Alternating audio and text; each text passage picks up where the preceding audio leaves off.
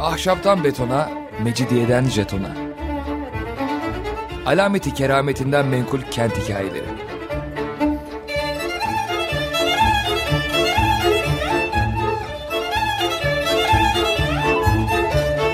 Hazırlayan ve sunan Pınar Erkan.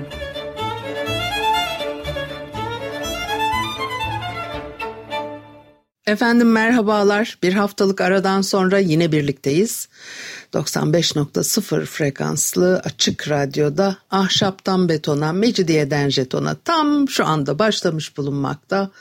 Anlatıcınız ben Pınar Erkan. Elektronik posta adresim pinarerkan.yahoo.co.uk Bugün programımızda ne var? Biraz genel olarak Osmanlı dönemindeki e, e, mimarlık uygulamalarından, dünyada e, bunun nasıl algılandığından, e, insanların bunu nasıl algıladığından e, söz edeceğiz.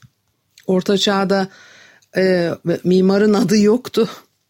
E, mimarlar e, yaptıkları e, binaları e, isimlerini koymuyorlardı ama Victor Hugo'ya göre Avrupa Orta Çağ bir mimarlık çağı. Orta Çağ'ın hangi dönemine e, baktığınızda da elbette alakalı. Özellikle e, dini yapıların değeri e, çok sayıda insana hitap ettikleri için ve gündelik yaşamda çok sık ziyaret edildikleri için e, ortaya çıkıyor. E, demek ki biraz gotik dönemden e, e, bahsediyor olmalı diye düşünüyorum. Ee, hani çünkü deriz ki daha erken zamanlarda aslında şöyle Hristiyanlığın ortaya çıkışından itibaren e, sivil yapılardan ziyade dini yapılar çok ön e, plana çıkıyor. E, daha önceki Roma İmparatorluğu'nun çok baskın olduğu dönemlerde Roma İmparatorluğu'nda neredeyse her işlevin bir tipolojisi var yapı tipolojisi var. Fakat Roma İmparatorluğu yıkıldıktan sonra özellikle e, Batı'da, Avrupa'da işte o karanlık çağlar, orta çağlara karanlık çağlar denmesine neden olan bir süreç e, başlıyor. E, o savaş zamanı Hristiyanlığın yayılma süreci.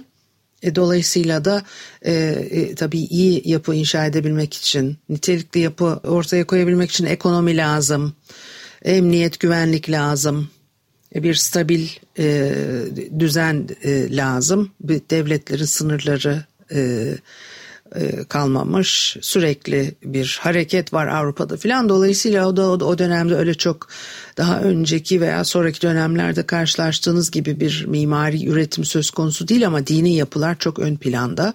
Çünkü e, işte dini yapılar oldukları için önemli yapılar inşa ediliyor. Bir de bak, baktığınız zaman da o romanesk mimari dediğimiz e, dini yapılar, manastırlar filan onlar da daha ziyade kale gibi değil mi görüntüleri öyle karşımıza çıkıyor. Çünkü korunaklı olmaları önemli, emniyetli e, olmaları e, önemli o dönemde de.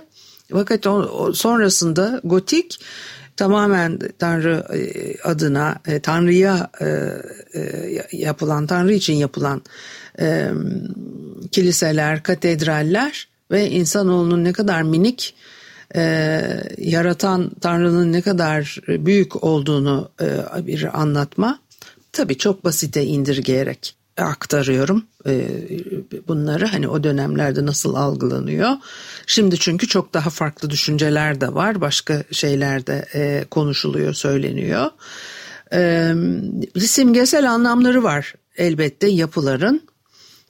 Katedraller yüzlerce yıl sürebiliyor inşaatları ve de e, çok zengin bir şarşalı görüntülü görüntü sergiliyorlar. Bir de simgesel anlamları var. Fakat sadece bu konuda eğitimli olanlar veya yeterli bilgisi olanlar bunları anlayıp okuyabiliyor. Halk başka bir şey okuyor. O da nedir? Pencerelerdeki vitraylarda, fresklerde, sütun başlıklarında e, bazı anlamları kavrayabiliyorlar. Bir de anlatılan hikayeler var. Resmin zaten milattan sonra 5. yüzyılda filan aklımda yanlış kalmadıysa 5. 6. 6. Pius'tu e, yanlış hatırlamıyorsam. resmin e, Hristiyanlığın yayılmasında bir araç olarak e, kullanılmak için e, karar alınması. E, e, çünkü e, okuma yazması yok, insanlar bilmiyorlar, anlamıyorlar. Zaten çok anlamaları da e, e, istenen bir e, dönem değil. Anlamasınlar ama inansınlar ve ibadet etsinler. Dolayısıyla ama bazı birazcık da bir şeyleri de anlasınlar ki e, hayranlık duysunlar, e, o, coşsunlar, e, duyguları kabarsın ve inanç pekişsin, gelişsin. Onun için de e, kutsal kitaplardan e, hikayeler vitraylerde resmedilmiştir veya ikonalarda onları görürsünüz. Bunun e, yoksa aslında resim, suret tıpkı İslam'da olduğu gibi Hristiyanlıkta da çok öyle makul görülen bir şey değil ama bunu bir araç olarak kullanabileceklerine hükmediyorlar. O kararlar çıkıyor ve ondan sonra da öyle yapıyorlar zaten e, mimarlığın sanat olarak e, yani mimarlık sanat mıdır o da ayrı bir konu ama hani o dönemlerde bu tür e, uygulamalarla birlikte bir e, e, özellik ortaya koyduğunu da tabii ki göz ardı edemeyiz. Buradan başka bir şeye geleceğim. Mesela Hugo yine diyor ki e, Süreyya Faruki aktarıyor bize e, matbaanın ortaya çıkması ve kısa sürede e, edebiyatı insanları en çok etkileyen sanat dalı e, haline getirmesi mimarlığın öncü e, rolünün yitirmesine yol açıyor. Bugünkünden çok başka bir dünya. E, bunu e, farkına varmak lazım. Bu tür konuları anlamaya çalışırken bu dünyalara girdiğiniz zaman işte biraz başka türlü bir dünyaya girdiniz. Mimarlığın çok önemli bir e, sanat dalı olarak algılandı. Aslında insanların elbette etraflarında edebiyat yok. Düşünsenize böyle bir roman alıp da insanlar ellerine okuyamıyorlar. Olan metinler ya kaybolmuş e, işte e, zaten okuyabilen çok az filan. Dini metinleri de e, bir tekrardan ibaret e, bakıyorsunuz. E, dolayısıyla matbaanın gelmesi çok büyük bir fark e, yaratıyor ve Osmanlı'da daha da e, geç e, tarihtir 18. yüzyıla hatta 19. yüzyılın ilk yıllarına kadar yine Osmanlı'da da e, mimarlık çok ön planda padişahlar, valide sultanlar, hanım sultanlar, vezirler özellikle 18. yüzyılda taşra ileri gelenlerinden birçok kişi e, ciddi e, servetler harcayarak sayısız cami, saray, medrese, e, tekke, sebil ve imaret e, yaptırıyor. 19. E, yüzyıl öncesinde Avrupa'da olduğu gibi Osmanlı İmparatorluğu'nda da önemli yapıların çoğu ibadethaneler. 1700'lerde başlıyor bu değişim. İstanbul'a baktığınız zaman ancak saray ahalisi, saray çevresi cüret edebilir. Öyle cami, han, hamam, saray inşa ettirmeye.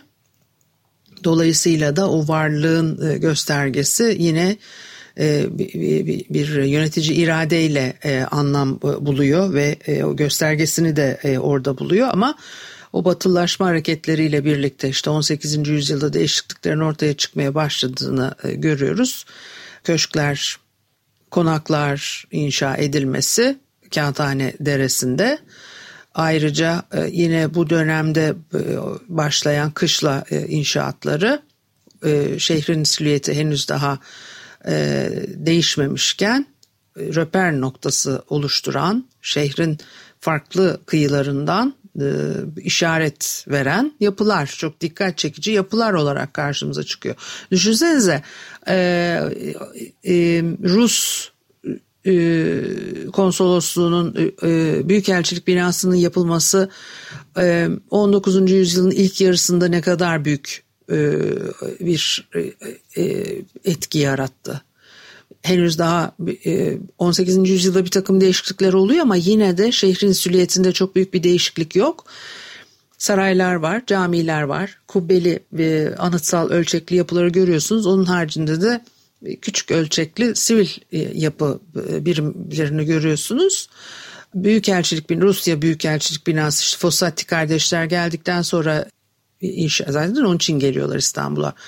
Ee, Rus Büyükelçiliğini yapmak için Beyoğlu yamaçlarında 100 metre cephesi olan bir yapı O zaman da dedikodular alıp yürüyor.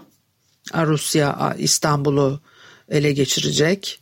Ee, bu aslında o kadar görkemli olduğu düşünülmüş ki insanlar tarafından o kadar büyük bir etki yaratıyor ki orasının bir büyük elçilik yapısı değil bir saray yapısı olduğu düşünülüyor. Ruslar gelecek İstanbul'u ele geçirecekler ve işte onun için de kendilerine aslında saray yapıyorlar burada filan diye dedikodu almış yürümüş. Çünkü Fossati kardeşler e, ilk defa bir şantiye düzeni e, işte uzmanlaşmış ekip kullanıyor filan standart Avrupa tuğlası e, kullanmaya başlıyor. E, gidip işte orada inşaat şantiye seyrediyor insanlar. E, zaten de severiz ya. Ama neredeydi? İtalyanlarda mı vardı bir söz böyle gidip de inşaat seyreden amcalara, dayılara verilen bir isim var. Şimdi hatırlayamadım ne olduğunu. Halbuki bizde ne kadar sevilir değil mi? İnşaat durup da kaldırımda inşaat seyretmek. Ama bizde öyle özel bir ismi yok öyle sırtını da ellerini kavuşturmuş sabah akşam e, inşaat seyreden amcalar için. Bir müzik arası verelim de ondan sonra toparlarız. Efendim Açık Radyo'da ahşaptan betona, mecidiyeden jetona devam ediyor. Haliyle Pınar Erkan'ı dinlemektesiniz ve de mimarlığın e, geçmiş yüzyıllardaki e, etkisi, algılanışıyla e, ilgili konuşuyorduk. Ve Osmanlı'da da 19. yüzyılda gelene kadar burada edebiyat tabii Victor Hugo'nun sözünden yola çıkarak edebiyat ortaya çıkana kadar daha doğrusu matbaa ile birlikte e, çoğaltılıp e, yayılıyor eserler, kitaplar. Sonra mimarlığın pabucu biraz da mı atılıyor gibi oluyor. Şimdi tabii bunu yani hani tartışılabilir bana göre çünkü ayrı kollarda bambaşka anlayışlarda elbette olan bir şey.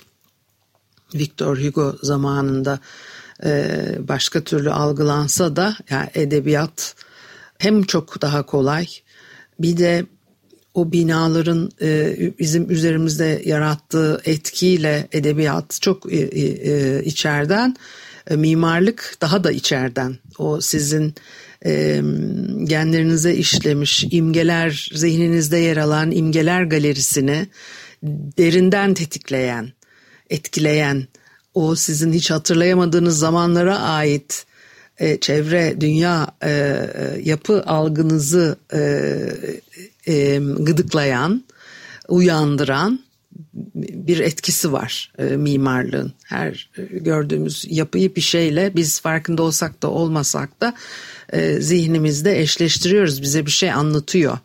Onun için edebiyat da bambaşka e, etkileri e, olan bir şey. Fakat tabii edebiyat daha çok bireysel olarak da ilgilenebileceğiniz bir şey. insanı daha çok e, meşgul eder. E, yoksa sokaktaki adamın e, mimarlık çevresini bugünkü e, sokaktaki adamdan daha farklı, daha iyi, daha e, nitelikli algılayabildiğini de çok düşünmüyorum. Belki de işte bir troll abi muhtemelen e, Kamonda merdivenleri için bir e, e, yorumda bulunmuş. Geçenlerde gözüme çarptı. Ara ara aklıma geliyor. E, Troll abi e, beni provoke etti e, gerçekten. İşte az hiçbir özelliği olmayan bu merdivenleri de ne kadar çok köpürtüyorlar falan diye böyle bir şeyler yazmış. Yani e, bunu insan hani e, trollük yapmaya değmez mi diyeceğim veya e, bari e, şu bir tane memlekette merdiven var şu merdivenleri kurcalamayın hani diyeceğim. Modern dönemlere ait mimarlık ürünlerinin algılanamayışını ben algılayabiliyorum. Yani e, gene böyle paylaşımlar e, geçenlerde modada modern döneme ait bir apartman yapısı. Dümdüz bir apartman işte bunun nesini bu kadar işte beğeniyorsunuz da aman yıkılmasaymış da bilmem ne falan diyorsunuz diye AKM için benzer şeyler söylenmişti. Şehirde modern mimarlığa ait birçok dönem binası için bunlar söyleniyor. Gerçekten de bu konularda tartışmak çok zor. Bu konularda hiçbir e, estetik algısı e, gelişmemiş veya e, işte bunları söylemek bile o kadar zor ki. Şimdi bir de çıkar der ki ah canım benim senin çok gelişmiş de bizim mi gelişmemiş? İş oraya gidiyor çünkü.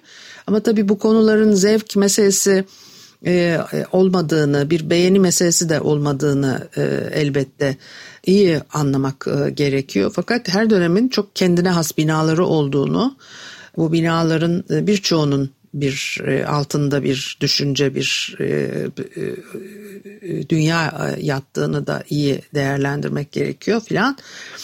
Osmanlı dönemindeki o yapıların da kullanılan taşlara kadar oluşumlarında önemli etkiler var. Örneğin kent Osmanlı kentlerindeki yapılar, anıtsal mimarlık eserleri. Ee, onlar genellikle kalıcı olacak elbette anıtsal ölçekte olduğu için de taştan inşa ediliyor. Ee, bezemeler için e, bir hareket getirmek için tuğla da kullanılıyor. Ee, özellikle 18. yüzyılda yatay sıralar halinde e, kullanılmıştır tuğlalar. Cephelerde o kesme taşın açık gri rengi e, yumuşatılmış oluyor bu şekilde. Anıtsal yapıların çoğunun üzeri kurşun kaplı kubbelerle örtülüyordu. Kubbelerin kiremitle kaplandığı da olurdu 15. yüzyıla kadar. Anıtsal yapılarda kesme taşların e, düzgün işlenmesine çok önem veriliyor. Eski yapılardan alınma malzeme, devşirme malzeme denir onlara. Kullanılması e, çok yaygındı. Sadece ucuz ve kolay bulunur olmaları sebebiyle değil, o bir, bir simgesellikleri var o taşların. Antika parçalar olarak ne kadar değerlendiriliyorlardı gerçekten e, belki bunun da büyük bir etkisi olabilir. E, simgesel değerlerinin yüksek olduğunu ben de düşünüyorum. Çini önemli bir bezeme malzemesi olarak kullanılıyor. O yapılardaki Çini kitabeler mavi beyaz renklerde 15. 16. yüzyıllarda o dönemin üslubuna bağlı olarak soyut veya e, gerçekçi çiçek motifleriyle bezeli çinilerle oluşturulan büyük panolar var. Bunları kullanıyorlar. Kamusal yapılarda e, bunları takip ediyorsunuz. Bir de yerli e, yöresel malzemeler. Taş mesela sadece Mısır, Halep gibi ağaç yönünden fakir daha ucuz malzemenin bulunmadığı bölgelerde ya da o çevrede çıkan taşın özellikle yumuşak kolay işlenebilir olduğu e, Orta Anadolu'daki Ürgüp gibi yerlerde kullanılıyor. İstanbul'daki konut yapımında ahşap çok kullanılıyor e, ve rengarenk boyanıyor evler. E, hava koşulları çok etkili, yıpratıyor ahşabı 19. yüzyıl sonu 20. yüzyılın başlarından kalmış ahşap yapılarda çok gördüğümüz üzere rengi e, koyu kahverengiye e, e, dönüyor. Ondan sonra da bakımını yapmak e, geçmiş yüzyıllara göre çok daha zorlaştığı ve pahalılaştığı için ahşap ucuz malzemeydi, kolay teknikte uygulanıyordu geçmiş yüzyıllarda. Fakat e, sadece bu değil, o deprem ve yangın ilişkisini de muhakkak hatırlamak gerekir. Şimdi onu bir daha tekrar etmeyeceğim. Geçmiş programlarda konuştuk o konuları çok. Ahşabın deniz yoluyla getirilemediği, e, o nedenle de çok pahalı olduğu yerlerde hımış yapı tekniği geliştiriyorlar. E, iskelet ahşaptan yapılıyor hımışta ve arası yani iskeletin arası kerpiç ya da tuğlayla dolduruluyor. E, Konya'da mesela ağaç daha az dolayısıyla da evler kerpiç ve çamurdan inşa ediliyor. Sadece e, taşıyıcılar e, ve çatı ahşaptan oluyor. Eğer evden taşınılacaksa yani o ev gözden çıkarılmışsa ahşap malzemeyi alıyorlar. Dolayısıyla geriye sadece bir kerpiç yığını kalıyor. Malatya böyle e, kurulmuş bunu biliyor muydunuz? 1838-39 e, civarı Osmanlı ordusu padişahın emriyle geliyor ve işte kışı geçirecek burada. Kışın kaldıkları bağ evlerinden kente dönüyor ahali ve askerlerin bütün kış boyunca ısınmak için evlerin ahşap tavan kirişlerini yaktıklarını görüyorlar. Koca kent bir yıkıntıya dönüşmüş adeta düşünebiliyor musunuz? Bunun üzerine de bağ evlerine e, sürekli olarak yerleşmeye karar veriyorlar ve Aspuzu'da eski bir sayfiye yeriymiş o zamanlar bugünkü Malatya'yı kuruyorlar. O kurak bozkırlarda evlerin damları çoğunlukla düz yapılır. Yazları teras olarak e, kullanıyorlar çünkü. E, yağmurun bol olduğu kıyı şeridinde ormanlık bölgelerde damlar daha eğimli yapılır. İnce tahta e, levhalarla veya kiremitlerle kaplanır. Çünkü o suyun akması gerekiyor, birikmemesi gerekiyor. Böyle enteresan e, sonuçlar e, doğurduğunu kullanımın görüyoruz. Bir de gösterişin nasıl algılandığıyla da ilgili bir şey. Şimdi bir kere e, makam sahibi bir Osmanlı'nın konağı sadece oturmaya hizmet etmiyor. O hükümranlığında bir simgesi. Bu her dönem neredeyse bu şekilde karşımıza çıkar. Roma'da da böyleydi. Bizans, Doğu Roma devrinde de böyleydi. Osmanlı'da da böyle. Bugün de böyle görüyorsunuz. Oturulan e, konutlar bir e, statü e, simgesi. O kamusal özel inşaat tarzları birbirinden farklı fakat e, bazen e, iç içe geçmiş şekilde de kullanabiliyorlar. Mesela padişahın ailesinden biri bir beylerbeyi bir cami yaptırıyor medrese ya da gelip geçenlerin su içtiği bir sebil onu kamusal tarzda yaptırabiliyor. Ama örneğin 18. yüzyılda ki yine değişikliklerin başladığı dönem daha alt düzeydeki taşra görevlerinden de uzak yerlerde mesela Mısır'da bu tarz yapılar inşa e, ettirdikleri görülmüş. Ahşap ve hımış yapıların çoğu eğer yerlerine bir yeni e, e, yapı inşa edilmek için yıkılmamışsa yangın ya da deprem gibi felaketlere kurban gidip ortadan kalkıyorlar. İstanbul ve büyük taşra merkezlerindeki birçok yönetici konağından günümüze kalabilenlerin çok az olmasının sebebi de budur. O ahşap konaklar da çok hızlı değişiyor. Bir de e, işte ihsan ediliyor filan. Oralarda eğer bir takım tarihi olaylarda yaşanmışsa eğer veya işte padişah ihsan ediniz siz canınız, canını sıkarsanız gözden düştüğünüz zaman geri alınıyor. Geri alınıyor başka birine veriliyor. İşte orada tatsız bir şey yaşanmışsa onlar bir daha yıkılıyor yenisi yapılıyor. Bazen moda değişmiş oluyor. Bir de gelirleri oranında elbette daha kolay olabiliyor bazı yapıları onarmaktansa yıkıp yeniden inşa etmek. Bizde yapıların her zaman e, örneğin batıdakilere e, kıyasla hatta doğudakilere de kıyasla e, yönetici köşklerinin konaklarının nispeten daha az e, gösterişli olduğu daha sade olduğu da bir gerçek. E, bunun da elbette sebepleri var. Bu haftalıkta bu kadar olsun. Haftaya görüşene kadar hoşçakalın.